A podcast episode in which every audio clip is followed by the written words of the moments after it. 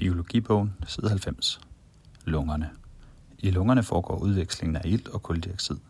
Lungerne rummer 4-6 liter luft, hvilket svarer til mængden af luft i en basketball. Lungevævet består af små luftfyldte hulrum, alveoler, i hvis vægge kapillærerne ligger tæt. Opdelingen af lungevævet i små alveoler giver lungerne en enorm overflade på 60-80 kvadratmeter, eller halvdelen af en tennisbane. Denne opbygning sikrer en meget stor kontaktflade mellem kapillærernes blod og alveolernes indåndingsluft, der kun er adskilt af nogle tusindedele af en millimeter. Her igennem foregår diffusionen af O2 og CO2. Ind- og udånding foregår ved hjælp af musklerne mellem ribben samt ved hjælp af mellemgulvet, som også er en muskel. Lungerne selv indeholder ingen muskulatur. To hinder sørger for, at lungerne er hæftet til ribben og mellemgulv. De ydre lungehinder er vokset fast til indersiden af ribbenene og mellemgulvet. Og den indre lungehinde omgiver lungerne. Mellem de to hinder findes et tyndt lag væske, som tillader de to membraner at glide over hinanden ved ind- og udånding.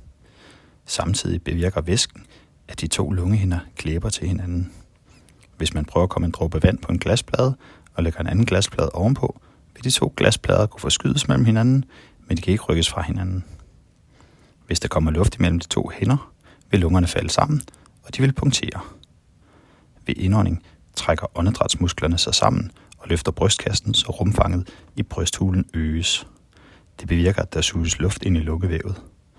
Under udåndingen slappes åndedrætsmusklerne, og luften i lungerne presses ud igen. Luften kommer via næse og mund ned i luftrøret, der deler sig i to bronkier. En til hver lunge. Bronkierne forgrener sig i små bronkioler, der munder ud i små drueklase-lignende alveoler.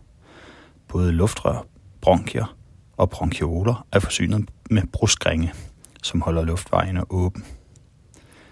Det er samme system, man ser i en støvsugerslange. Lungerumfang. Lungerne rummer gennemsnitligt 5-6 liter luft hos unge raske mænd og 4-4,5 liter hos unge raske kvinder. Lungevolumen afhænger af bygning, alder og helbredstilstand. Under vejrtrækning i hvile bliver lungerne langt fra fyldt med luft. Normalt indeholder de 2,7 liter luft efter en indånding og 2,2 efter en udånding. Den mængde luft, der passerer lungerne ved ind- og udånding i hvile, er således cirka en halv liter. Respirationsdybden. Antal åndedrag per minut i hvile er cirka 15. Respirationsfrekvensen, og dermed bliver den mængde luft, der ind- og udåndes per minut, 6-8 liter. Lungeventilationen. Heraf vil ca. 0,15 liter befinde sig i luftvejene, luftrør og bronkier,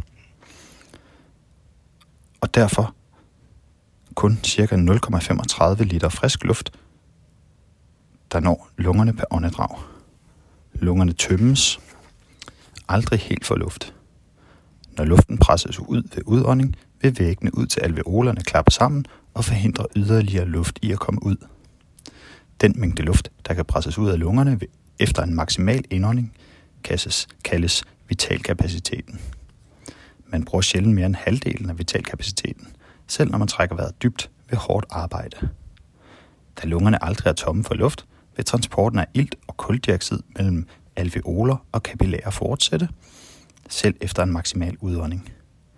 På den måde bliver koncentrationen af ilt og kuldioxid i blodet næsten konstant under en respirationscyklus.